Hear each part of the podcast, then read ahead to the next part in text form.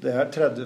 januar 2020, og denne samtalen den skal være med fylkesmann eh, Knut Storberget. Eh, og poenget er her å forstå og, og få innsikter i hva han har lært eh, gjennom mange år som leder i ulike funksjoner. Og hvem er Knut Storberget? Nei, Jeg ønsker å beskrive meg som en forholdsvis vanlig mann fra Innlandet. Eh, engasjert. Jeg har vært på eh, mange slags eh, posisjoner i løpet av livet, egentlig. har vært eh, veldig heldig. Eh, Så jeg har jo en eh, kombinert eh, bakgrunn. eh, Fagmessig juridisk, som advokat. Juss, statsvitenskap. Men hele livet har jo ved siden av advokatpraksisen vært å drive politisk arbeid. Og nå har du jo liksom Nå er jeg på uh, ut av politikken. Uh, er på uh, aktiv partipolitisk avrusning med fare for tilbakefall. Okay. Men som da kongens og regjeringens representant i Innlandet. Embetsmann er han blitt. Nettopp. Ja. Jeg pleier alltid i disse samtalene her å trekke noen tråder som kobler meg til samtalepartneren. Og jeg ble første gang oppmerksom på deg på eh, 80-tallet, da du hadde tillitsverv eh, i eh, det som var Juvente, eller var forløperen til det. Eh, og så så jeg at du eh, ble advokat, og du hadde noen straffesaker som jeg la merke til. Jeg husker ikke det nå. Og politiker. Og jeg husker også at du ble stortingspolitiker. Og som justisminister så var du den første jeg fikk anledning til å invitere til Politihøgskolen på et par lederutdanninger jeg hadde ansvar for. Og du var altså den første eh, justisministeren som stilte opp og sa noe om lederskap og dine forventninger til politiledere. Jeg håper jeg ikke var den siste. Nei, det er kommet en til. Ja, etter det så, det eh, så Anders Amundsen var, eh, var der. Og jeg så deg også på Politihøgskolen etter den tragiske og grusomme hendelsen 22.7, eh, da Justisdepartementet ble eh, eh, midlertidig plassert på Politihøgskolen. Så den høsten eh, 2011 så så vi hverandre i kantina en del ganger. Mm. Ok. Det den samtalen her skal ha tre hovedtemaer, eller hovedfokus, og det blir på fylkesmannsrollen. Og så blir det på eh, tema ledelse i og av politiet, og der går vi inn på forskjellige spørsmål. Og vi skal også komme inn på eh, terrorhendelsen 22.7 og opplevelser og hvordan håndteringen ble gjort eh, fra statsrådsposten som du hadde i Justisdepartementet. Det er kanskje noe av det mest ekstreme noen justisminister i Norge har vært borti. Kanskje ting under krigen eller før krigen eh, kan sammenlignes. Men først, vi går på fylkesmannen først. Altså, Hva er en fylkesmann, og hva gjør en fylkesmann? Ja, Det er et veldig godt spørsmål. Altså, øh, Fylkesmannsrollen er jo en gammel rolle i Norge. øh, og bevega seg jo fra å være en amtmann, som det het før, til å bli fylkesmenn.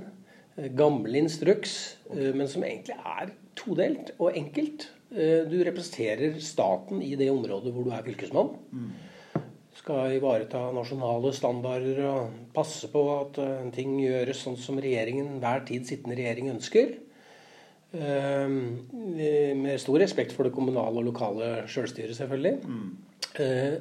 Og den andre delen av det er den delen som jeg syns er utrolig fascinerende med denne jobben. Det er jo at du kan ta mange initiativ, og du har en rett og en plikt til å ta initiativ på vegne av Innlandet, for min del. da, Gamle Hedmark og gamle Oppland. Å være en som skal være en drivkraft for å skape både vekst og, og lykke i, i det området hvor du er satt til å være fylkesmann. Så i sånn sett så er det jo en, en, en, et embetsmannsstilling som, som ikke er direkte politisk styrt i den regionen hvor jeg er. Jeg forholder ikke meg til noe fylkesting eller eh, lokalpolitikere som sådan. Mm. Men det er regjeringen og Stortinget som er oppdragsgiver.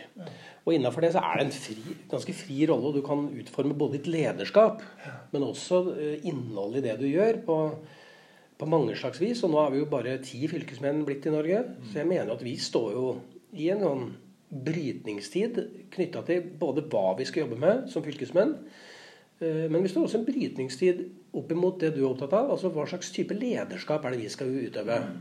Eh, jeg, har, fordi at jeg, jeg syns det er et poeng å si at noen poster i forvaltningen er jo preget av å ha en slags historisk eller naturlig autoritet. Ja.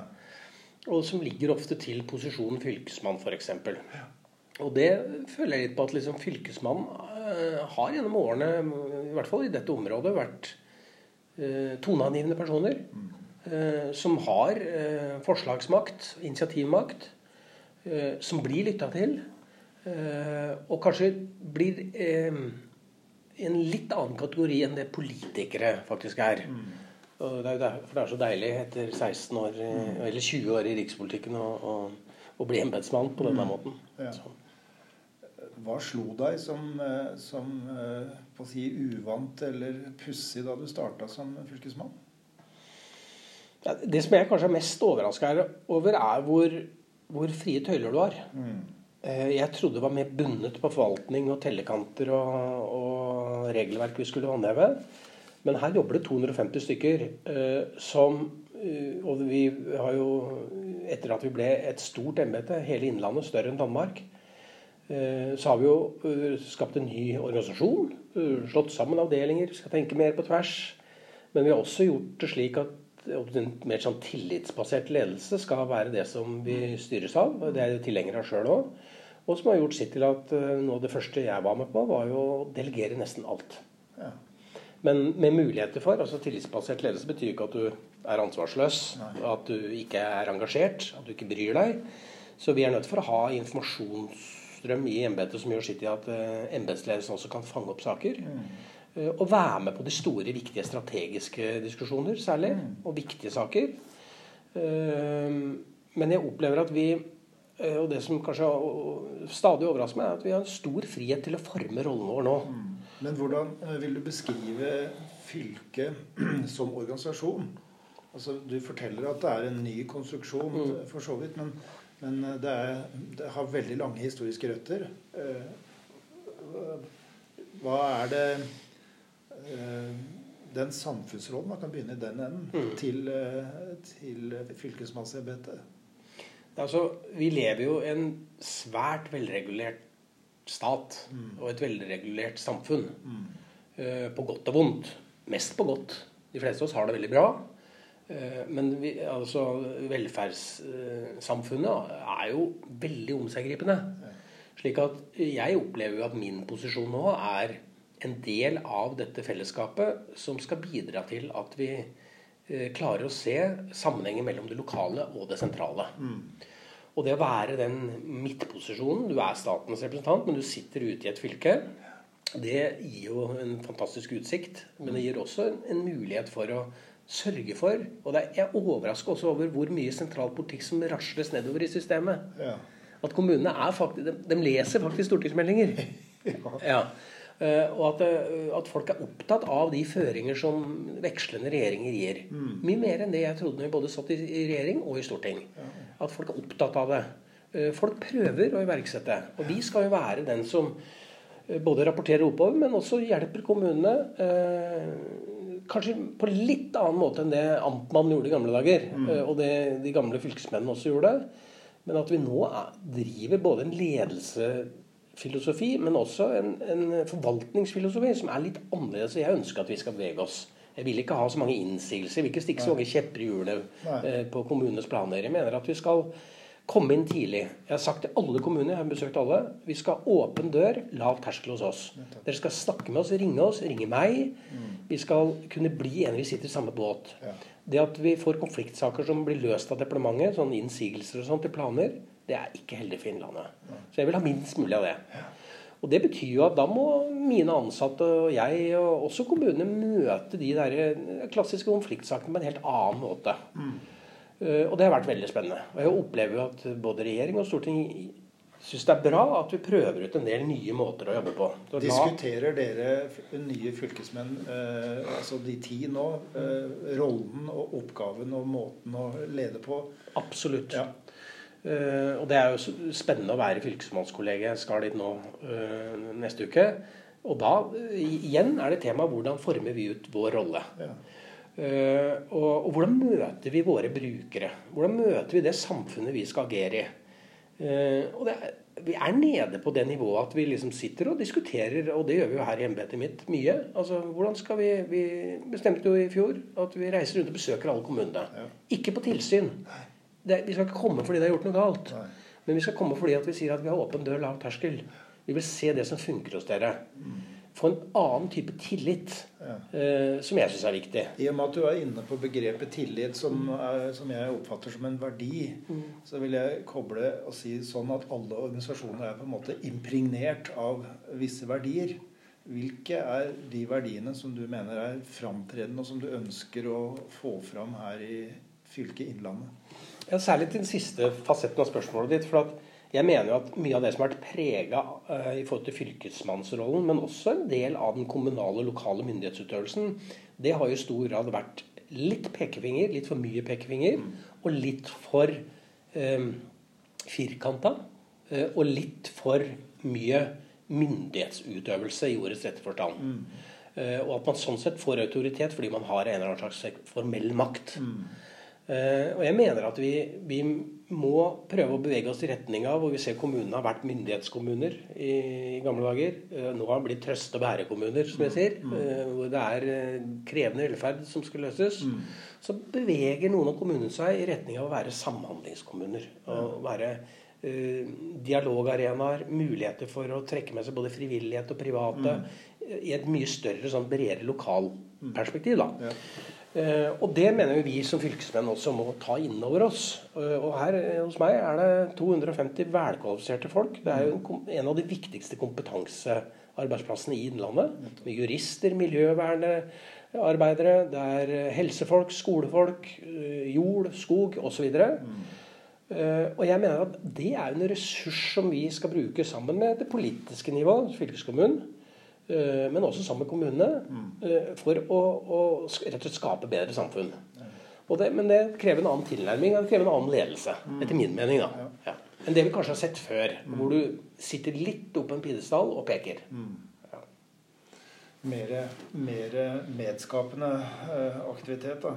Ja, så mye av de instrumentene vi har, Eh, og som går på at vi skal behandle klager, vi skal drive tilsyn, som er jo for mange kommuner oppfattes som noe ganske krevende. Altså Når noe galt skjer, så er hendelsesbasert tilsyn. Eh, mye av de mekanismene og virkemidlene vi har, er jo, eh, er jo slik at de, de er ikke hogd i stein. og i det øyeblikket jeg sier at vi, vi ønsker å ha mer dialogbasert tilsyn, uh, at de som utsettes for tilsyn, da, i større grad sitter rundt et bord med oss og sier hva slags løsning kan vi finne på dette. Mm. Så får jo tilsynet etter mitt skjønn mye mer legitimitet og virkningen der ute òg. Og det blir ikke så, så farlig. Man blir ikke så redd. Og man ser også at de beste løsningene på svakhetene man eventuelt finner i fellesskap, mm. finner man nettopp ved å ha eh, et dialogbasert og tillitsbasert tilsyn. Det er en ting som slår meg nå mens du snakker. Mm. Og det er at gitt den rollen du har, og den tiden du er i, mm. og med juridisk og statsvitenskapelig bakgrunn, mm. du burde skrive ei bok om uh, den nye fylkesmannsrollen. Ja, da, og jeg er opptatt av det. for at jeg er jo så heldig, og, og når jeg fikk den jobben Jeg fikk jo ett og et halvt år på å tenke meg om før jeg begynte. liksom, var, Jeg ble utnevnt lenge før jeg begynte, så jeg fikk god tid til å tenke. Reise litt rundt. Og nå så vi i fjor, når vi besøkte da bestemte oss for å besøke alle kommunene. Ja. Uh, spise et måltid med dem. Mm. Uh, gi ut en bok etterpå, det har vi gjort, om uh, dette kommunebesøket. Med stoltheter og utfordringer fra alle kommunene. Så fikk, føler jeg at bare et sant grep gjør sitt til at du kommer litt inn på en annen måte. Mm. Og så er det jo ikke sånn altså vi vi har også vi, vi, har fortsatt de skarpe virkemidlene også. Så mm. der hvor det virkelig gjelder, så må vi også mm. eh, sette oss litt opp på pidestallen og si at dette er lovbrudd. Ja.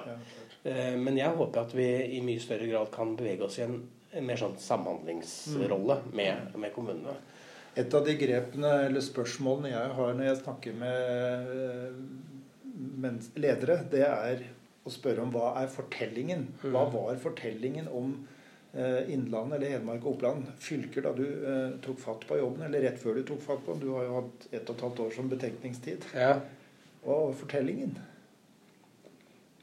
Rundt region, altså rundt reformen, så tror jeg mange av oss skaper en, eh, en, eh, en fortelling som handler om at dette skal gjøre oss sterkere. Det skal gjøre det bedre å bo i Innlandet. Og, og, større muligheter for å både forhindre utenforskapet Vi ser jo masse yngre mennesker som sliter i Innlandet.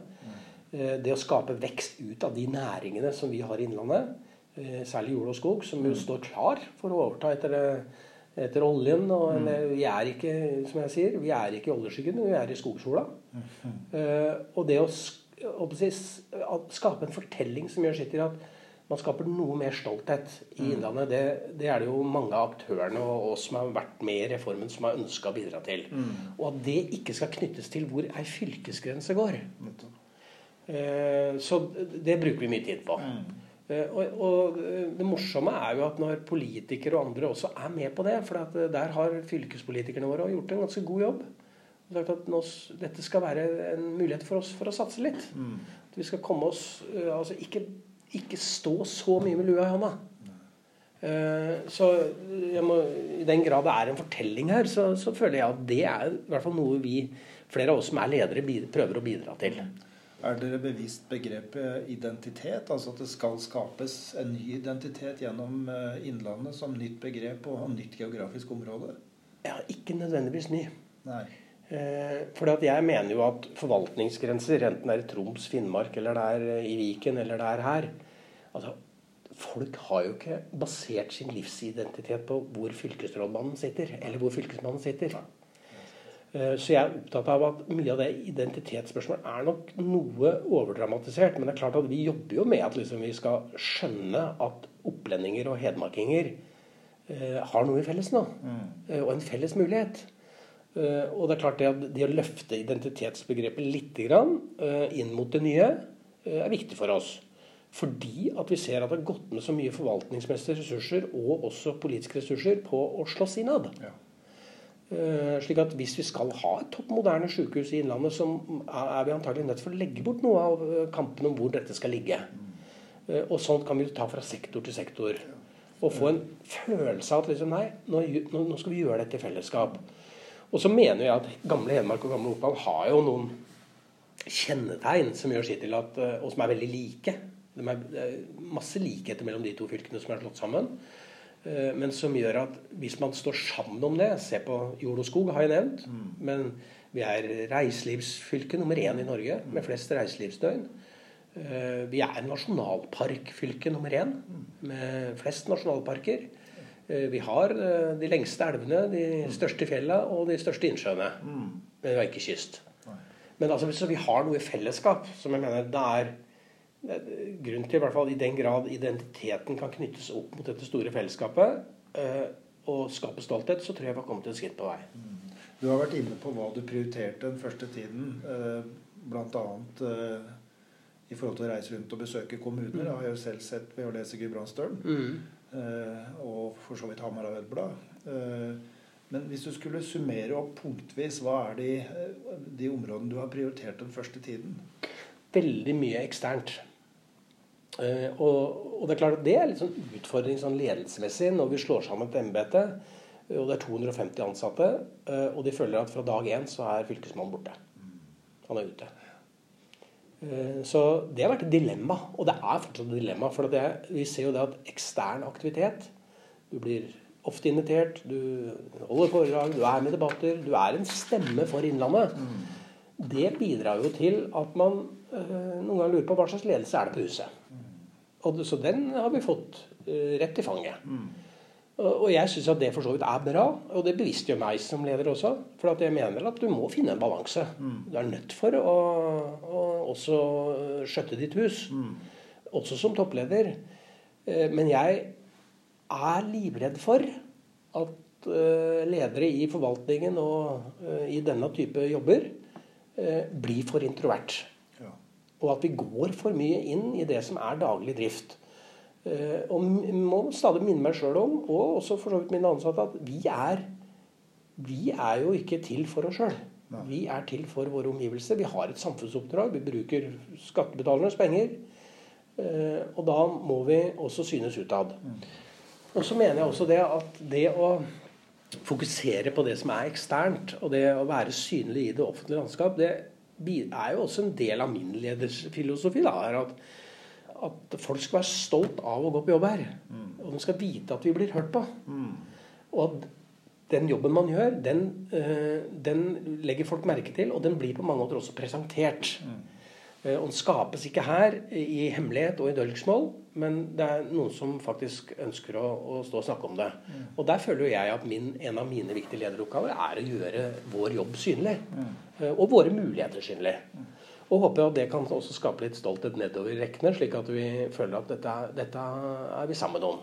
Men det var masse interessante diskusjoner når jeg kommer, knyttet, og det er det fortsatt. Knyttet, hva er det han egentlig mener med sånn åpen dør, lav terskel? Det er det mange som sier. Hva, skal ikke jeg behandle disse sakene? Jeg skal gjøre noe mer?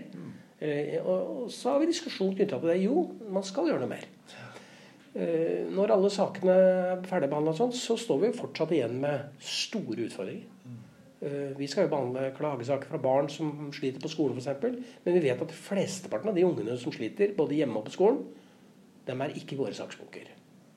Og jeg ønsker meg et embete som nettopp sier at når vi er, liksom er ferdig med de sakene som synes, og der vi telles, og der vi har saksbehandlingsfrister og sånn, eh, det er da jobben begynner. Hvordan kan vi ta initiativ på de feltene hvor vi virkelig vet det er 8000-9000 unger i Innlandet som sliter hjemme? Eh, hva gjør vi med dem? Eh, de har ikke noe rettshjelpssøknad inne her. De har ikke noe separasjonssøknad. De har ikke noe askespredningssøknad. De har ikke noe mobbeklage. Eh, er vi engasjert i dem? Betyr det noe for utviklingen i Innlandet? Åpenbart.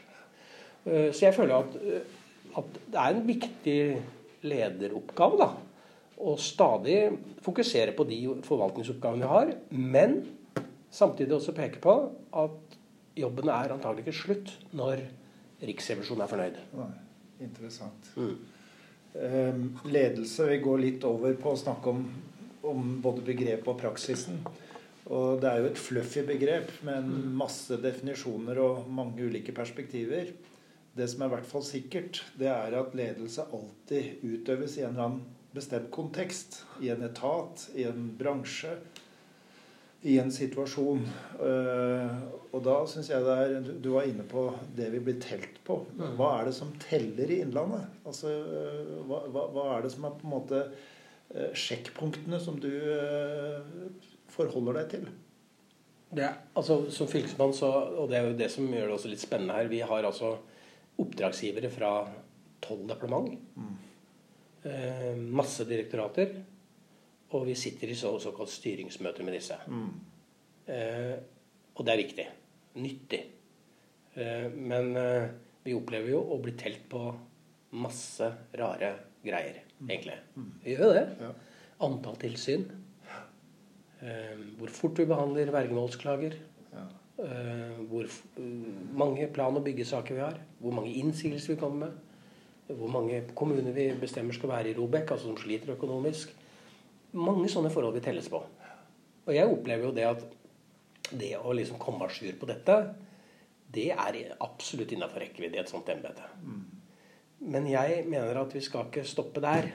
Så, og det mener jeg er utfordringa i offentlig sektor, enten vi er i politiet eller vi er i helsevesenet eller eh, hos Fylkesmannen. Det er jo det at eh, utfordringa er at eh, vi har en del andre oppgaver som vi ikke ikke teller på, mm. og som ofte uh, glipper på oppmerksomhet. Mm. Uh, og da mener jeg jeg mener at det er en lederoppgave å stadig uh, være på jakt etter disse områdene mm. og se de som ikke blir forvaltningsmessig hørt. Mm. så jeg opplever jo at vi blir telt mye. Mm. Syns det er noen ganger kanskje for lett å få det kvittert ut. Ja. og at sånn sett så føler jeg noen ganger at vi har en jobb å gjøre for å motivere til mer innsats og en bredere innsats. Mm. Kanskje også forstå både samfunnet og konkrete problemområder enda dypere og bedre enn det man gjør, for å kunne ta, Absolutt. ta det onde ved roten. Ja. Og, det, og, da snakker vi jo liksom altså Har du drevet justispolitikken lenge og politiet lenge, og sånn, så vet du jo det at vi kan reparere oss i hjel. Mm. Uh, og 100 millioner til norsk politi, som de fleste nye justisministre klarer å få til når man tiltrer Jeg gjorde det, Anders Andersen gjorde det, og mange andre. Mm. Det er ikke nødvendigvis avgjørende. Uh, så det å tenke bredden, som du sier, mm. er helt avgjørende. Altså forebygging, som jo aldri når opp i Dagsnytt 18 eller andre fora. Men det er, det, det er, derfor vi har lykkes i Norge med å ha såpass lite kriminalitet. Det er jo at vi klarer å forebygge. Mm. Vi snakker jo aldri om det, nesten. Eh, men også mener jeg det er en utfordring, og det ser jo vi som må forholde oss til mange statlige etater. Og vi skal samordne den regionale statlige innsatsen i Innlandet. Og vi ser jo det at det er i mange saksforhold og utfordringer vi har, så har vi nok folk og nok penger. Eh, men folk er på sin tue, og vi klarer ikke dette samarbeidet. Mm. Altså, har, det er siloer. Mm. Uh, og der er jo Fylkesmannen i en unik posisjon. Mm. Ved at du skal samordne, og du representerer på mange måter ingen særetat. Mm. Men du er, du er generalisten. Ja. Og hvis det er ingen andre som påpeker at Hør her. Mm. En unge i en eller annen våre, våre kommune, det er based on a true story, uh, som var hjelpetrengende, og familie med hjelpetrengende, måtte forholde seg til 18 mennesker fra det offentlige. Mm. Fra forskjellige etater. Og det er klart at Hør her. Altså Før dere begynner å si at kommuneøkonomien er dårlig, eh, eller at politiøkonomien er dårlig, eller andre offentlige etater Her har vi en jobb å gjøre. altså. Mm. Både lage et regelverk som gjør at folk snakker sammen, men også faktisk få til at folk snakker sammen. Mm. Uh, og jeg mener at det er jo en av hovedutfordringene for offentlig sektor i dag. Mm. Forventningsgapet kommer til å øke. Folk, vi kommer til å måtte kreve mer av det offentlige. Vi vet at uh, vi har ikke noe Sareptas krukke.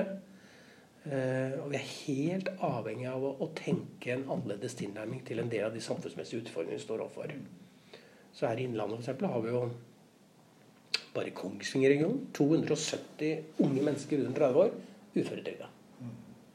Vi ligger på topp når det gjelder uføretrygding. Vi ligger på topp når det gjelder helserelaterte ytelser for ganske unge mennesker. Mm.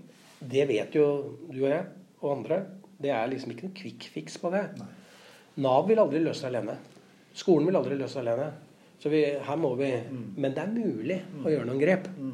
som gjør at dette kan vi ta videre. Og jeg mener jo at det er ikke minst en veldig viktig lederoppgave. da, Å, å ha det perspektivet hele tiden med, med, oss.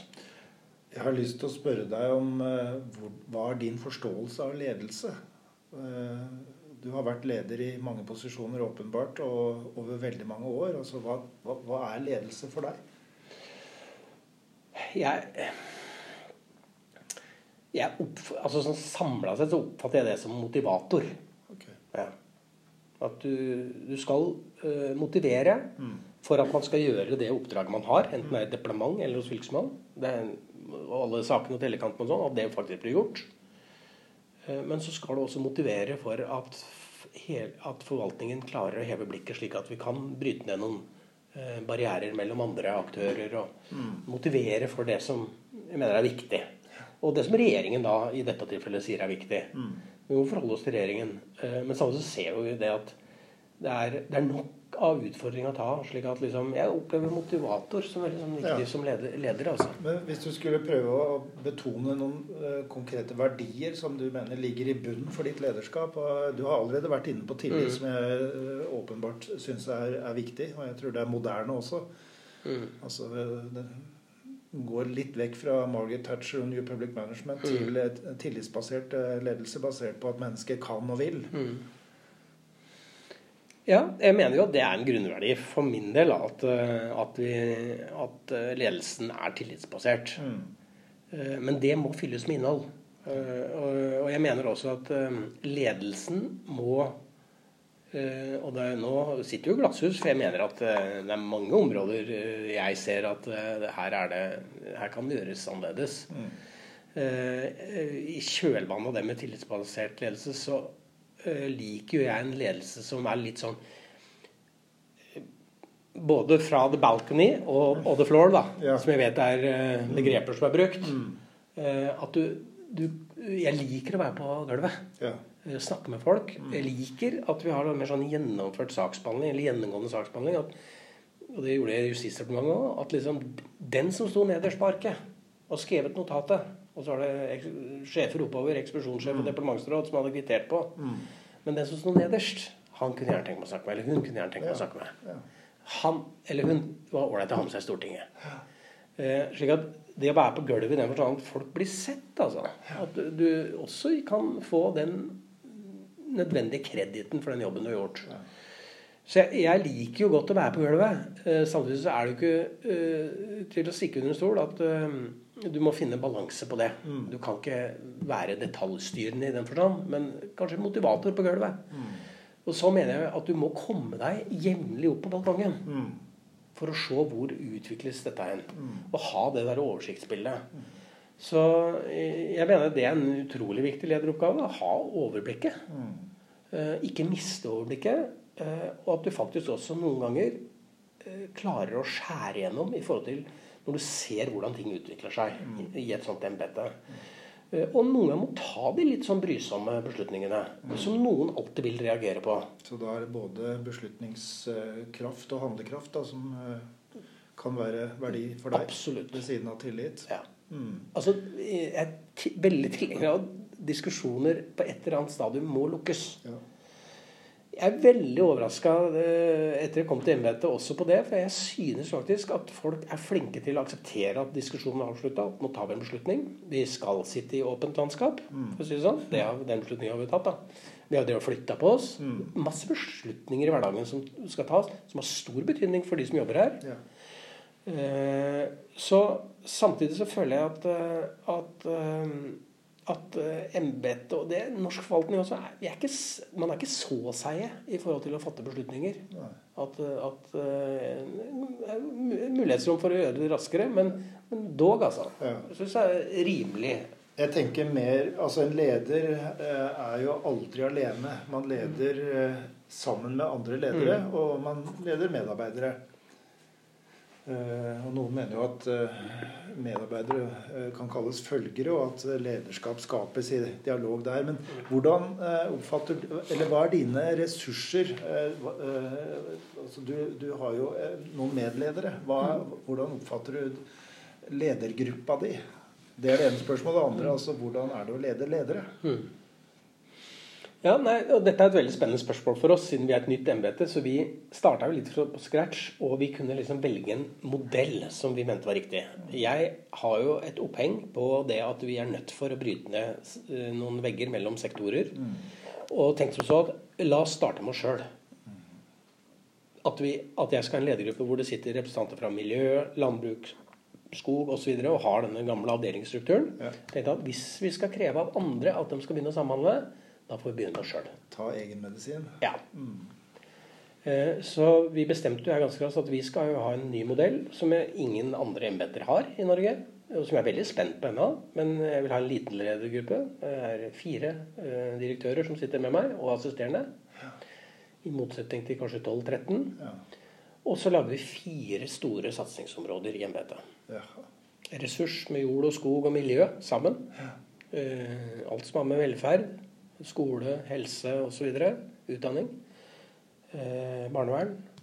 Eh, og så har vi en som går på kommunal kontakt og det juridiske og vergemål og rettshjelp i den tredje. Og så har vi en administrativ, et administrativt virksomhetsområde som er en support for hele embetet. Hva, hva kalte du de områdene? Virksomhetsområder, kaller vi det. Ja. Ja. Og det, det er to grunner til at vi gjør det. Det første er jo at jeg mener at hvis vi skal si til omgivelsene våre at eh, man må samhandle mer mellom etater, så må, må vi begynne med oss sjøl. Da må barnevernsfolka våre eh, sitte i samme virksomhetsområde som utdanning og de som er relevante. eh, Arbeid, sosial osv. For å få den interne nivelleringa på innsatsen. Ikke bare på det forvaltningsmessige klage- og tilsynssporet, men også på hva slags initiativ dette embetet skal ta. Min ambisjon er jo at de folka der er så dyktige, men de blir enda bedre hvis de sitter sammen eh, og ser eh, utfordringer i alle sektorer. Hvordan ble initiativet og den nye organiseringen mottatt blant de 250 ansatte? Ja, Det er litt blanda. Ja. Ja. Om noen lurer fælt på ja, Vi har hatt medarbeiderundersøkelse som spør liksom, hva driver noen av disse direktørene med. Hvorfor har vi ikke en landbruksdirektør, en fylkeslege og en sånn som liksom er i spiss, og som er taler rett til fylkesmannen? Og så sier jeg at nei, det viktige her er at vi klarer å se alt dette under ett. Eh, og at vi vil ha en liten og oversiktlig ledergruppe. Eh, slik at vi kan bruke også ressurser på tvers innenfor disse virksomhetsområdene i mye større grad. Så mener jeg at det å ha en såpass liten ledergruppe som jeg har, bidrar også til at de målsettingene vi har for ressursbruken i embetet Vi har jo som ambisjon at vi skal gevinstrealisere denne reformen. Det skal komme noe ut av det. Eh, så er det lettere med færre ledere å kunne få til f.eks. å flytte ressurser fra ett område til et annet. Eh, fordi at jeg sier til de som sitter i min ledergruppe, og som leder disse virksomhetsområdene, at dere er om noen år så kunne man jo egentlig se for seg at dere bare bytta plass. Ja. Eh, fordi at eh, dere har et ansvar for helheten. Alle som sitter rundt det bordet, skal ha et ansvar for helheten. Sliter vi på vergemål, eh, men føler det er gode tider på en annen enhet Tør ikke si hvilken, da. Men da skal det være forholdsvis lett å si den juristen skal vi ha over på vergemål. Og at det blir lettere i et sånt system faktisk å arrondere ressursene dine. Eh, og så mener jeg at mye av den tillitsbaserte ledelsen kommer jo her ved at du er egentlig veldig du er tydelig på hva du vil. At vi skal ha bort restansene. At vi skal begynne å tenke initiativ. Vi skal ha åpen dør, lav terskel. Eh, og så må, må, jeg forutsette at de lederne gjør det i sine virksomhetsområder. Ja, ja. Det, ja nettopp. Og treng, jeg trenger egentlig ikke, føler jeg, så veldig sånn jeg trenger ikke sånn daglig oppfølging av disse direktørene. Nei. Så uh, Vi har egentlig lagt oss på en modell hvor det er ukentlige treffpunkter på mandager, mm. og that's it. Ja. Og så kan det være noen sånne saker innimellom. Mm. Men jeg forutsetter at man liksom tar, tar, de signalene, og at man gjør den jobben. Mm. Og det vi merker at det er ganske krevende sånn en ny organisasjon, og folk har flytta på seg. og Vi skal harmonisere hvordan vi har forvalta i Hedmark og Oppland. Det er litt ulik forvaltning, og, og ting skal gå seg til og, mm. og, sånn. Eh, så er det litt krevende. Eh, slik at vi, vi er ikke ferdig med den jobben der. Eh, og det må gå seg litt til. Folk må også få trygghet for den rollen. Men det er som jeg sier på noen av ledermøtene, at det heter ikke min, mitt virksomhetsområde. Mm. Det heter vårt. Mm. Det er våres. Mm. Uh, og selv om du er direktør på det området, så har du også et ansvar for kollegaene dine sitt virksomhetsområde. Det jeg hører på det du ja. sier nå, er at du jobber aktivt med å utvikle kulturen ja. i Innlandet, i fylket. Ikke sant? Ved at du peker på hvilke verdier dere skal stå for, hvordan dere skal jobbe, hva du prioriterer, uh, og hvordan du som rollemodell også er. Men det, men det, er, det er, ikke noe easy-peasy. Det er ikke lett. Og, og, folk kan murre litt på det. Mm. Uh, og jeg sier det at Eh, til mine medledere at liksom Er dere snudd med ryggen mot embetet, eller ryggen mot meg? Mm. Eh, og jeg vil jo liksom Jeg vil ikke at de direktørene skal være liksom eh, kanalen opp til meg, og som bare kommer med alt, både positivt og negativt, fra diverse enheter og behov og ønsker og sånt noe. Jeg vil at de skal være snudd med, rygg, med ansiktet mot embetet og skal si at uh, vi, har, vi, har, en strategi som vi ønsker å gjennomføre. Vi har noen visjoner, vi har noen verdier, uh, måter å jobbe på, uh, temaer vi ønsker å ta opp. og det må dere forfekte. Dere må gjøre det korrelert. Og dere er lederskapet utad sånn. og det jobber vi litt med. For da ofte vi kommer i sånne debatter at nei, hos oss nå har vi så mye å gjøre der, så nå vi kan ikke Nå er det sånn hos oss. Heller ikke hos oss. Eller dere. Det er, det er det store vi. Ja. ja. Det du også, eller det er en merkelapp som jeg syns går an å sette på uh, det lederskapet som du uh, forteller om, det er jo oppdragsbasert uh, ledelse. Mm. som da har mål og noen visjoner og noen rammer, men samtidig frihet til å utøve det. Og i bånn så ligger en tillit til faglig kunnskap og, og klokskap for å produsere de tjenestene som skal tjene, eh, produseres. Er det ikke så? Jo, absolutt. Mm. Så det er en sånn eh, Som jeg sa innledningsvis også, jeg er ganske overraska hvor fritt stilt vi er. Det er fælt å si dette, for det kan jo bli brukt mot meg. Men, men, men jeg mener det, altså, at liksom, mye av de oppdragene vi får fra staten, og sånn, er fornuftig. Altså. altså. det er liksom det er, passer veldig godt i vår profil. Det er ikke noe sjelden vi har liksom noen skjærings på det. Mm. Men en del av metodene har vi debatter om. Skal vi ha så mange tilsyn på det området? Er det liksom nødvendig å gjøre det? Kan vi, kan vi ikke bruke de ressursene på en annen måte? Så er min oppgave å ta opp det sentralt. Ja. Eh, men vi har en betydelig frihet eh, til å bruke disse ressursene. Det er mye folk. Vi bruker mye penger eh, til å liksom skape de løfta rundt omkring. Mm. Og jeg bruker mye tid på allmøter og, og embetssamlinger og sånt til å forklare at liksom, Hør her. Vi er ikke noe Vi er ikke ferdig når klagesaken er ferdigbehandla. Vi har en mission utover det. Og jeg mener at det er da det også blir spennende. At du kanskje får litt variasjon i hvordan du har det, har det på jobb. Og at det forventes noe mer. Men det er mange som mange som mener at det der er for ullent, det er for uklart. Hva er det han egentlig mener? Vi liksom, Å jobbe mye med liksom, å se på liksom, eh, Hva er det der for noe? Hva er det han egentlig mener? Og Sjøl har jeg nok også litt problemer med å si, liksom, peke på det hos en del. Eh, men jeg håper vi er underveis, da. Mm. Før vi går over til eh, å snakke litt mer om din rolle som justisminister og, og hvordan du utøvde lederskap der, så vil jeg stille deg et siste spørsmål. Hvilken, eh, hvilken nytte har du hatt av den erfaringen eh, som statsråd i rollen som eh, fylkesmann til nå? Altså Hvilken tyngde har det på en måte både faglig og menneskelig og symbolsk gitt deg? Ja, det, det, det, det, Jeg var jo statsråd i seks år. slik at jeg lærte jo departement og regjering godt å kjenne. Eh, og det er uvurderlig, den jobben jeg har nå. Mm. Det må jeg si. Eh, både i forhold til at vi skal forvalte det som departementene pålegger oss, men ikke minst opp mot initiativbiten. Du vet hvordan politikk blir til, mm. og hvordan departementer tenker. Eh, så det syns jeg er veldig nyttig. Jeg, men det er jo sånn i ledelse at liksom, du drar jo nytte forhåpentligvis av alt det du har opplevd. Mm. barndom. utdanning. Ehm, jeg pleier å eh, sa det i politikken at de viktigste årene for mitt politiske virke, og også nå, det er jo eh, alle de klientene jeg møtte i straffesakskjeden, og som forsvarer. Mm. Og som liksom i hvert fall gjorde sitt til at du får jo blikket på liksom, hva er det som du mener er viktig å gjøre noe med. Ja. Og som vi møter igjen nå også. Mm. Mye, når jeg snakker om utenforskap i Innlandet, så eh, tenker jeg jo egentlig på mye av de jentene og guttene jeg møtte i, i strafferetten. Mm. Eh, vi lærte, i hvert fall å se symptomer. Ja. Eh, så jeg mener hele løpet er viktig i forhold til sånn. Men eh, akkurat som fylkesmann så må jeg si at det er forholdsvis nyttig å ha vært rikspolitiker. Mm. Og jeg ser jo at man har debatt rundt hvem skal bli fylkesmenn. Hvem egner seg til å lede fylkesmannsembeter? Og, og, jeg mener jo at hvis du virkelig skal ha fylkesmenn som tar initiativ, og som skaper litt framdrift, så er det nyttig i hvert fall å ha vært i rikspolitikken og hatt framstående verv. Hva var det mest utfordrende og det mest givende i rollen som justisminister? eh, ja eh, jeg, jeg, likte jo veldig godt eh, det å kunne virkelig følge uh, at du skapte endring.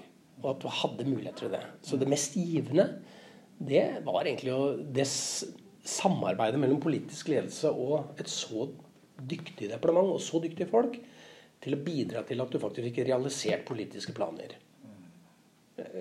Ble veldig imponert over. Eh, og det var liksom nesten ikke grenser for hva departementet kunne gjøre for deg. Eh, for å tilrettelegge for tiltak i Stortinget osv. Og, så og det kunne jo gjelde enten vi satsa, dobla antall politihøgskolestudenter, eller du skapte en, egentlig en helt ny tenking i kriminalomsorgen. Eh, eller du eh, bygde ut Sivilforsvaret, for den saks skyld. Masse, både smått og stort. Eh, så jeg mener jo at det var en veldig sånn god erfaring. Også hvis du liksom har vært i et sånt system og fått den responsen, så savner du det hver dag resten av livet. Det må jeg si. Og det mest krevende, som du spør om, det, jeg må jo si det at det som skjedde 22.07. og etterdønningen av det, ville jo ikke unne min verste politiske fiende. Nei. Nei. Det er veldig krevende, men samtidig også Mye av det som skjedde der, opplevde jeg som veldig oppbyggelig. Mm. Eh, til tross for grusomhetene. At vi så hvordan pårørende håndterte svært vanskelig situasjon. Eh, hvordan det norske samfunnet bidro til å, å samle seg. Eh, hvordan, eh, hvordan, opposisjonen i Stortinget responderte opp imot eh, både redegjørelser og you name it. Mm. Fikk, en, fikk en, sånn utrolig sånn god respekt for at her her er det ikke bare gærent. Nei. Nei. Jeg, det, er en, det, er jo et vendepunkt på mange måter for det norske samfunnet. Og, og en bevisstgjøring av hvilke verdier vi ønsker å bygge samfunnet vårt på, tenker jeg. Ja, det, det må jeg nok si. Og samtidig så fikk vi jo Vi lærte jo en lekse hva lederskap betyr i krisesituasjoner. Mm. Uh, og at det er, faktisk, det er faktisk viktig hva statsminister, justisminister, andre faktisk sier. Mm. Og hva, hva, det talte ord betyr. Uh, og hvordan vi faktisk uh, Og enhver sittende regjering og ledelse i et land faktisk hva slags betydning det har. Når det virkelig smeller. Uh, og at det kan gå ordentlig gærent hvis du ikke veier dine ord som, som, leder i et sånt øyeblikk. Så det er jo utrolig mye lærdom å ta det. Og, og, vi har jo sett også fra Gjørv-kommisjonen at det er en uendelig utfordring knytta til liksom hvordan ledelse fungerer i det offentlige. Mm.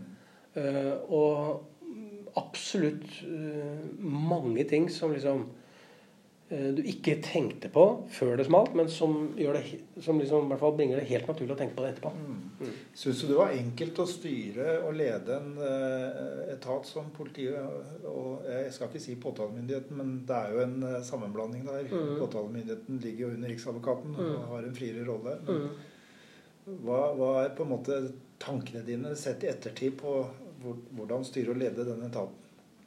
Ja, nei, jeg syns det var veldig krevende å styre politiet. Mm. Det syns jeg. Eh, og har stilt meg mange spørsmål om det i ettertid. Altså, hva var det der? Og jeg har jo hørt liksom mine forgjengere og mine etterfølgere si det samme. Mm. Eh, slik at det kan jeg ikke legge skjul på et sånt ledelsesperspektiv at det syns jeg var vanskelig. Mm. hvor jeg følte liksom at at ledelsessignalene gikk ikke inn på mange områder. Eh, på noen områder så syns jeg det gikk rimelig greit. Mm. men samtidig så at det, at det var en vanskelig eh, sektor å lede.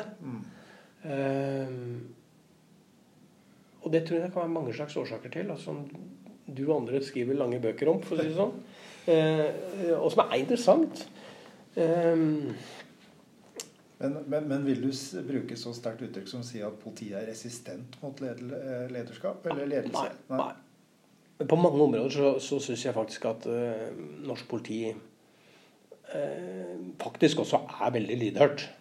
Så det er, dette, er ikke, dette, er ikke, noe sånn svart-hvitt-greie. Men på noen av de store områdene, særlig det som gikk på forvaltning av ressursene, ja. uh, så mener jeg at man hadde i større grad enn andre offentlige etater eh, et skjold mot eh, politisk ledelse og en del andre ting som gjorde sitt at det var nesten umulig å flytte med en krone. Mm. En, og, og, det i ettertid også, i forhold til 22. juli og sånn, så ble det jo fokusert på at liksom, man følte at man var detaljstyrt. Mm. Uh, men jeg mener jo at hvis du ser på de og det prosjektene som ble trukket fram liksom at fra Justisdepartementet, så satsa man på vold i nære relasjoner og bygde ned barnehus. Og nå er jo bare småpenger i det hele. Mm. Men utrolig viktige satsinger. Og, og det sa egentlig ingenting om liksom hva er hovedutfordringa her. Og vi slet med IKT-utviklinga i politiet. Eh, det hjalp ikke hvor mye penger du bevilget inn. Eh, så det syns jeg var veldig vanskelig mm. å forholde seg til. Altså øh, samtidig så så vi at på noen andre områder så leverte politiet liksom mm. akkurat hva vi forventa. Mm. Uh, og kanskje litt mer også. Så jeg, jeg syns begge deler når det gjaldt å lede politiet. Mm. Jeg syns det var, var, krevende. Jeg tror mye av dette handler om også mye av den ledelseskulturen vi har innad i politiet, og som gjør sitt til at man både tenker autonomt mm. og monopolaktig. Ja. Eh, og at det er liksom og også en del av det at man har naturlig i Norge vært varsom med å ha politisk innflytelse over politiet. Mm. Av gode grunner. Eh, men det kan bikke over. Ja. Eh, fordi at eh, til slutt så er det politikeren som skal stå der med ansvaret. Eh, både for ressursene og ressursanvendelsen og det lovverket som politiet til enhver tid jobber inn under. Og jeg syns kanskje man strakk sin autonomi noe langt på noen områder i politiet. Jeg har jo hørt fra den tida jeg var uniformert politimann, og helt fram til disse dager, at eh, hadde bare politikerne holdt fingrene fat, så skulle vi ordna jobben. Altså det er politimennesker, både eh, ordinære eh, altså folk i grunnstillinger, men også ledere som sier sånn. Altså man, er opp, øh, man er lei av detaljstyring, og politikere skjønner egentlig hva, hva dette her handler om. Altså, dette her er utsagn som jeg reagerer kraftig på, fordi at øh, politiet må og bør være politisk styrt. Mm. Men øh, ja, det er jo et, øh, et, øh, profilert politikkområde og et helt avgjørende område sett i eh, lys av at vi skal ha et demokrati og en rettsstat. At det fungerer godt. Det er det. Og det er avgjørende at det er politisk styring eh, på en tvangsetat som politiet. Ja. Men, eh, men eh, hvis du, man går inn og virkelig ser på anvendelsen av de store ressursene i norsk politi, så kan man med respekt å melde ikke si at eh, noen justisministre etter annen verdenskrig har drevet særlig med detaljstyring av norsk politi. Nei. Mener jeg. Mm. Men, men det kan jo være behagelig eh, når noe har gått galt, å si at man er blitt detaljstyrt. Mm. Eh, Men det, eh, det er derfor det er viktig å si fra om at eh, jeg mener at eh, i stor grad har man hatt en ledelse av norsk politi eh, som også har vært bra, eh, men som har fått ganske frie rammer. Mm. Eh, Og den reformen som eh, mine etterfølgere i stor grad har eh, gjennomført, mener jeg at det kan man jo ikke si er detaljstyring. Det er jo en reform som sier noe om liksom hvordan de store ressursene skal brukes. Da kan jo noen reagere på at man ikke har fått forklart det godt nok. Men det må enhver offentlig institusjon og en såpass stor bruker av samfunnsressurser som politiet er, finne seg i. Og ha den diskusjonen. I en samtale for noen år siden med tidligere justisminister eh, Nå står jeg helt fast på navnet. eh, Fra Venstre. Odd Einar Dørum. Odd Einar Dørum, ja. Mm. Så ble det Vi satt overfor hverandre på samme måte som vi gjør nå, og spiste en lunsj på Hamar. Og, um, og så ble det snakk om politiet og ledelse og frem og tilbake. Og så sa han om politimesterne at ja, det er ikke mye fart i den gruppa. Og han sa også mye mer. Men hva er din opplevelse av, eh, av eh, de topplederne i, eh, i politiet? Jeg hadde, jo, jeg, jeg hadde jo et veldig godt inntrykk av mange politimestere. Så jeg syns faktisk at vi så, særlig av de yngre Og jeg ivra jo også for at du ikke trengte å være jurist for å være politimester. Det er interessant, Ja. siden du selv er jurist. Ja, ja. Eh, Men eh, jeg har liksom aldri eh, helt fatta hva slags ledelseperspektiv jeg fikk i min egen juridiske utdannelse. Men jeg mente at det, måtte fint kunne vi måtte fint kunne ha en politimester i Follo som ikke var jurist. Eller i Østfold. Mm. Det prøvde vi jo. Så det er ikke avgjørende. Men så jeg opplevde at vi, mange av politimestrene var gode ledere. Operativt og strategisk ute. Mm. Og som jeg hadde stor tillit til. Eh, Men jeg syns noen ganger at eh, løsningene på en del av utfordringen ble for monotom. Ja.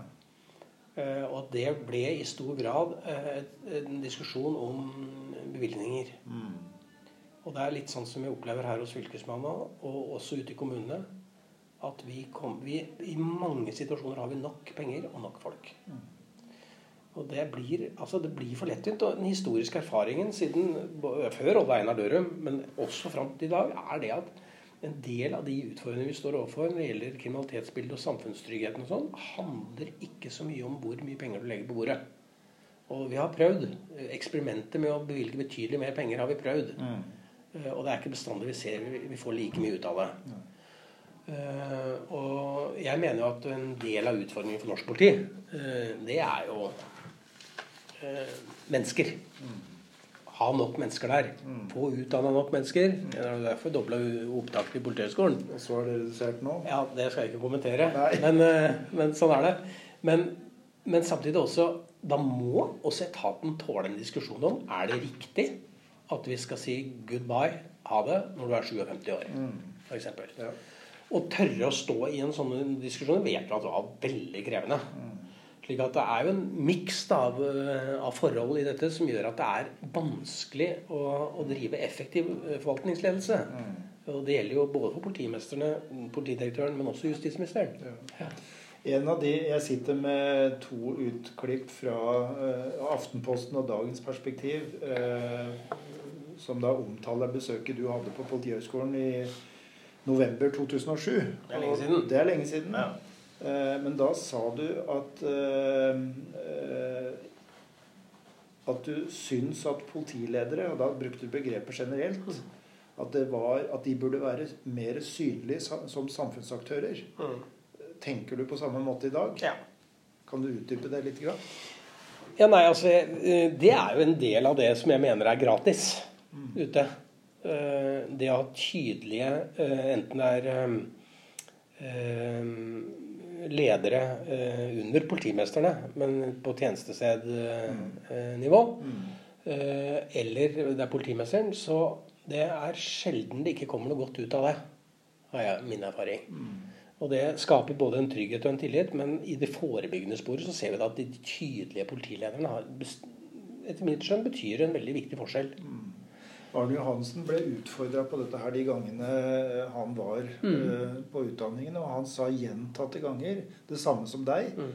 Uh, og han viste til at uh, politimestere i, i, politimestermøtene kom og pikka han på ryggen og sa 'Arne, kan ikke du ta opp dette og dette?' Mm. Det var det ene men knytta til at politiledere fra lensmenn, stasjonssjefer, nå tjenestestedsledere, at de er såpass anonyme som samfunnsaktører, så sa han at det handla om mangel på mot. Og at de ork, ikke orka å ta en diskusjon eller kritikk som kom i, åpenbart i etterkant av en mm. kronikk eller et utsagn. Mm. Hva, hva tenker du om en sånn Jeg tror det er en riktig beskrivelse, men samtidig er det liksom skal man alltid være kritisk når man er synlig?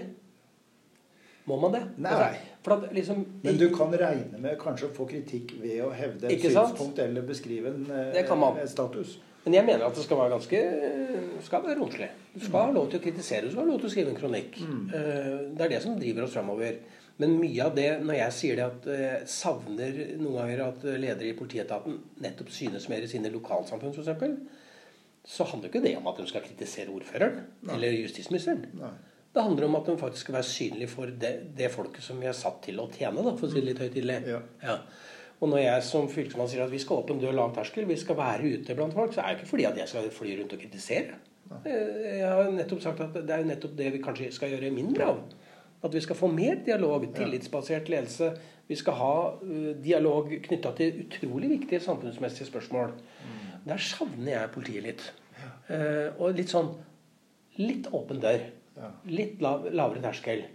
Eh, for at både, og Det er derfor jeg ivra på at vi skulle ha disse politirådene rundt omkring. At mm. liksom, politietaten måtte inn og forstå helheten i det. Ja.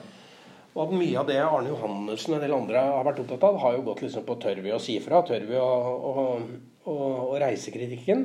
Eh, men synligheten i mitt hode, den må dreie seg om også noe mer enn det. Mm. Ikke sant? Ja. Uh, og det er der jeg syns kanskje at uh, når, når uh, både vi i forvaltningen, men også politiet spesielt, og sånn, at man blir for låst ofte til de parametere man blir målt på.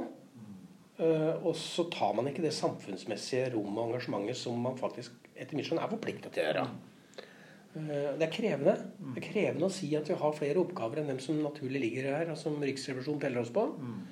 Eh, eller Riksadvokaten i dette tilfellet, med politiet. Man blir jo telt og målt, og, og oppklaringstider og you name it. Eh, men eh, vi ser jo det. Vi ser det i Innlandet òg. Vi har hatt, hatt, og har politiledere som har hatt en helt annen tilnærming til lokalsamfunnet sitt. Mm. Ved å være åpen, ved å gå i dialog. Ja. Det er også de politilederne som lykkes. Mm. Eh, og får eh, autoritet og mye tillit. Mm. Eh, og samtidig så ser vi også at de kommer godt inn i når det virkelig også skjer noe. Mm. Ja, jeg sitter og tenker helt konkret. Ja da, ja, men de, jeg skal ikke oute noen, Nei. men vi har dem. Ja, jeg, vet, jeg vet akkurat hvem jeg tenker på. I, for noen minutter siden så var du inne på inne på hendelsen under 227. Og at politiet fikk litt ja, altså Lederskapet ble satt på prøve. Mm. Og så betona du også betydningen av å kunne lede i kriser. Mm. Og i etterkant så jo, uh, var det jo en ambisjon om å styrke politiets ledelseskapasitet og, og kompetanse. Både individuelt og som et slags kollektiv. Eh, syns du ambisjonene var høye nok, og syns du fra din posisjon at vi har kommet langt nok på å øke den ledelsesmessige kapasiteten i politiet? Tør jeg nesten ikke si noe. Uh, for det er, eh, litt fordi at det der har dårlig oversikt over. Mm. Det er litt sånn når du går ut av politikken. Det, er nå uh, snart åtte år siden jeg gikk ut av Justisdepartementet. At du du føler du har brukt veldig mye oppmerksomhet på det feltet, ja. og, og, du har gått over på andre politiske felt. Så jeg er litt der, altså. Jeg er litt på tynn is.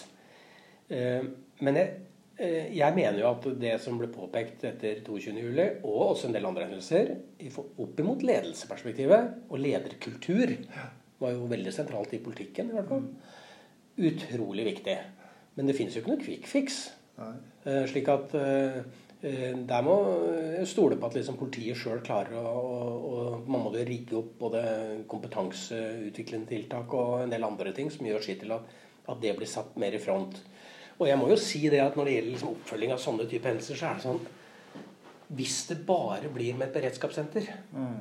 og det er liksom eh, det vi måler på, så kommer vi til å feile. Ja. Og det ser vi jo på det, det store bildet òg. Det er jo ikke bare politiet som har et ansvar her. Hvis det bare blir med en forsterking av politiet etter 22.07 mm. Eh, de fleste av oss eh, stiller oss fortsatt eh, svært undrende til at en sånn skjevutvikling kan skje et ungt menneske mm. i et lokalsamfunn, faktisk i Innlandet, mm. over så, så, lang tid. Mm. Og hva, hva, gjør vi med det? Så jeg mener ledelseoppgaven i det går utover politiet. Ehm, men jeg, altså, politisk ser vi at man har jo alltid en sånn hang til å liksom kvittere ut med konkrete bevilgninger. Det skal bygges, du får flere helikopter og mm. you name it. Mm. Uh, og ikke nødvendigvis har løst i hvert fall hele problemstillingen med det, for å si det pent. Mm. Mm. Jeg har lyst til, uh, Før vi går over på, uh, på det nest siste punktet, så har jeg lyst til å ta med noe som knytter an til noe du sa tidligere. altså Du brukte begrepet siloer. Mm. Og du legger, vil legge til rette for mer samhandling på tvers av eh, kanskje samfunnsområder. Mm.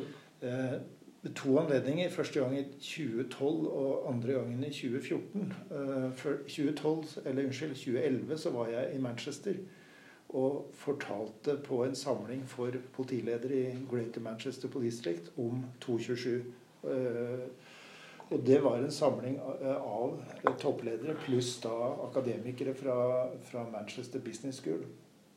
Da sa den daværende politimesteren der at oppgavene som politiet har i ethvert samfunn, er for omfattende til at politiet kan løse det alene. Mm. Derfor er vi nødt til å samarbeide med en rekke andre offentlige etater, men også uh, ideelle organisasjoner og kanskje også private Eh, fra privat sektor. Eh, og han utdypa dette her mer, og han sa at de, de, menneskene som samfunnet har problemer med, de, en, de finner man igjen mot eh, helse- og sosialetat og flere andre steder. Så gikk det altså drøyt to, nesten tre år. Så var jeg på en konferanse i eh, Nederland og hørte politimesteren i Rotterdam si det samme. Uh, mens jeg opplever at vi uh, i Norge tenker veldig mye i siloer. Og mm. jeg opplever også at politiet ikke er spesielt flinke til det. Vi syns nok at vi gjør Vi har politiråd, og nå er det politikontakter osv. Men det er litt smått. Hva tenker du? Nei, Jeg mener jo at uh, de erfaringene du har gjort internasjonalt, det er jo helt riktig. Mm. Og det rare er, det er jo det jeg ser i den posisjonen jeg har nå. Det er at hvis vi skal imøtekomme en del av de forventningene som er til det offentlige. Ikke bare på det polisiære siden av det offentlige arbeidet, men også samfunnsmessig velferd og sånn. Så er vi helt avhengig av å gjøre det. Mm. Så føler jeg at en av grunnene til at vi har lite kriminalitet i Norge, og har hatt det historisk, er jo at vi i realiteten har tenkt veldig sånn. Mm. Uh, og jeg har jo lurt noen gang på liksom, når vi nå gjør reform og Betyr det noe at lensmannen i Vang i Valdres blir borte? Eh, var det, var det så, Er det noe vi ikke ser? Eh, som gjør sitt i at liksom eh, Han, eller hun, da. Det var en han. Eh, han hadde, han hadde han, Hele hans kontor var egentlig et levende politiråd. Uten at det var formalisert. Så jeg mener at norsk politikultur og norsk lensmannskultur opp gjennom årtier har vært, vært ganske velfungerende med å se hele samfunnet rundt seg. Og der, Vi har jo hatt domstoler også som har vært lokalt forankra, som faktisk har tatt runder med advokater og politiet når man har sett der kommer lokale ungdommer inn. Okay. eh, For å tenke Går det an at vi kan reagere litt annerledes på dette? Og hvor man har hatt den nærheten som gjør det. Så jeg mener jo at uh, mye har vært bra i Norge på det. Mm. Uh, uh, men så ser vi jo at når velferdsoppgavene blir mer krevende, så blir du mer og mer konsentrert, både som leder, men også som mer sånn utøver og igangsetter og iverksetter, eh, på å gjøre den oppgaven du har fått tildelt. Enten det er i Nav, barnevern eller utdanning. Mm. Så gjør du det, og så er du liksom litt ferdig. Ja. Eh, Og det er jo derfor jeg mener at liksom det å tenke mer sånn generalist At liksom Ta vare på de lokale og regionale generalistene som faktisk har et sånt blikk. Og det er liksom nesten litt sånn nabokjerringopplegg. Ja. At noen må tenke litt utafor egen saksbehandlingsbunke. Noen må ta det initiativet. Fylkesmennene ute i regionene er jo nettopp et sånt sted. Eh, Og Det er derfor jeg ivrer veldig for at liksom, vi må ikke slippe tak i det. Vi må ikke bli spesialistfylkesmenn. Eh, At noen sitter og behandler helsesakene der, og andre sitter og behandler eh, eh, vergemålssakene et annet sted i landet. Men å ha den bredden, det tror jeg er helt avgjørende. Og jeg syns det er mye gode politifolk ute altså, som Ja. har, i, i sin gjerning da, Ja. har drevet sånn. Og ikke hundsa med folk, men har liksom faktisk tatt telefonen til barnevernsvakta. Eh, har en kontakt på sosial, det gamle sosialkontoret. Og som gjorde sitt at fikk vedkommende på rett kjøl igjen. ja. Eh, Jeg tror ikke vi skal undervurdere det. Nei. Nei, men altså, vi, har jo, vi lever jo i tider med ganske sterke sentraliseringstendenser på mange samfunnsområder. Og det er en eller annen form for eh, kraft som, som trekker synes jeg, da, ressurser fra det lokale og inn mot det sentrale. Og jeg er litt redd for at vi taper noe med at lensmannen i Valdres ikke er lensmann i Valdres lenger. Men nok om det. Eh, litt om 227. Eh, hvordan opplevde du det som, som skjedde, som statsråd og menneske, Knut? Jeg opplevde det som en sånn ledelsesmessig tornado. Ragnarok. Eh, og som jo Det hadde ikke gått an å stå i det, etter min mening, for både de som var ledere i departementet, i politiet og meg og regjeringen og sånn. Hvis man ikke hadde hatt den unisone liksom, samlinga. Eh, jeg, kommer jo til min dødvans dag eh, alltid tenke med kjærlighet og hjerte på folk i Justisdepartementet. Eh, som fra dag én var oppe å gå. Eh, utbomba fra kontorene. Mista liv i, blant oss. Folk var hardt skada. Eh, samler seg på Politihøgskolens gamle lokaler. Mm. og som får liksom alle sånne diskusjoner om vi skal sitte i åpent landskap eller cellekontorer til å blekne. Mm. folk satt i dårlige klasserom. Ja. Lovavdelingen satt i et klasserom. Eh, og leverte statsbudsjett og stortingsmeldinger og you name it utover den høsten. Jeg tror ikke det hadde vært mulig, eh, mulig å kunne være leder da, i en sånn kri kritisk situasjon hvis du ikke hadde, hadde den soliditeten som vi har i norsk embetsverk. Eh, de fleste ville jo trodd at de fleste av oss var sjukmeldte, Ja. men det var vi ikke. Eh, eh, og folk jobba. Eh, men jeg syns personlig at det, det var Det, det ramma jo oss på så mange måter. Det ramma jo oss i departementene, og særlig justis, som var i høyblokka. Men det ramma jo for oss som var fra Arbeiderpartiet spesielt. Da. Vi mista jo mange kjente eh, gode venner eh, og kamerater. eh, Utøya. Så, så det, det var en, jeg opplevde det som en enorm belastning, men jeg tenkte som så at her er det mange andre som også har altså de, det, sånn sett var vi jo vi privilegerte, fordi vi, var, vi hadde ikke mista akkurat våre nærmeste. Så det var så mange andre som opplevde noe mye tøffere. Mm. Så her var det bare å stå på, liksom. Men det var jo en, en laginnsats på det som jeg Jeg er veldig stolt av å være i Norge. Mm. Over at vi har et sånt embetsverk som står på sånn. Hva gjorde det med deg som person? da? Nei, Det gjorde jo i hvert fall det at øh, man må aldri glemme når man driver med beredskapsarbeid, at, og det sier jo nå som beredskapskoordinerende ansvarlig i Innlandet, at eh, alltid planlegg for det uh, uventede og det helt uh, urealistiske, egentlig. Mm. Glem aldri en liten flik av det. Uh, og det gjorde også det med at jeg sjelden mer skal være med på hylekoret mot norsk embetsverk. Mm. Hva, hva, vil du fortellingen om uh, Innlandet og fylkesmannsembetet skal være når du en gang trer ut av det? Nei jeg, jeg, håper, jeg, jeg, sier jo det i foredragene at jeg er realistisk optimist. Ja. Så jeg håper at vi sammen med, med, med regjeringen og departement og fylkeskommunen eh, kan vise såpass lederskap, alle mann og alle kvinner, Eh, at vi kan få utløst noe som gjør sitt til at eh, det bor flere her om ti år. Eh, det skapes mer her. Det er det grunnlag for. Og at Innlandet ikke ble en transportåre mellom Trøndelag og Viken. Det håper jeg vi kan si om ti år. Så hvordan det går med han fylkesmannen, det får være en fotnote i det. Ikke sant. Ja. Vi har vært inne på mange av dine erfaringer, tanker og synspunkter knytta til ledelse og ulike lederroller.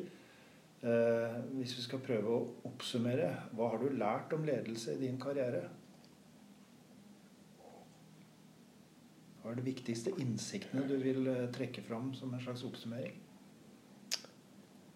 Det er vanskelig å svare på, for det er mye. Uh, men uh,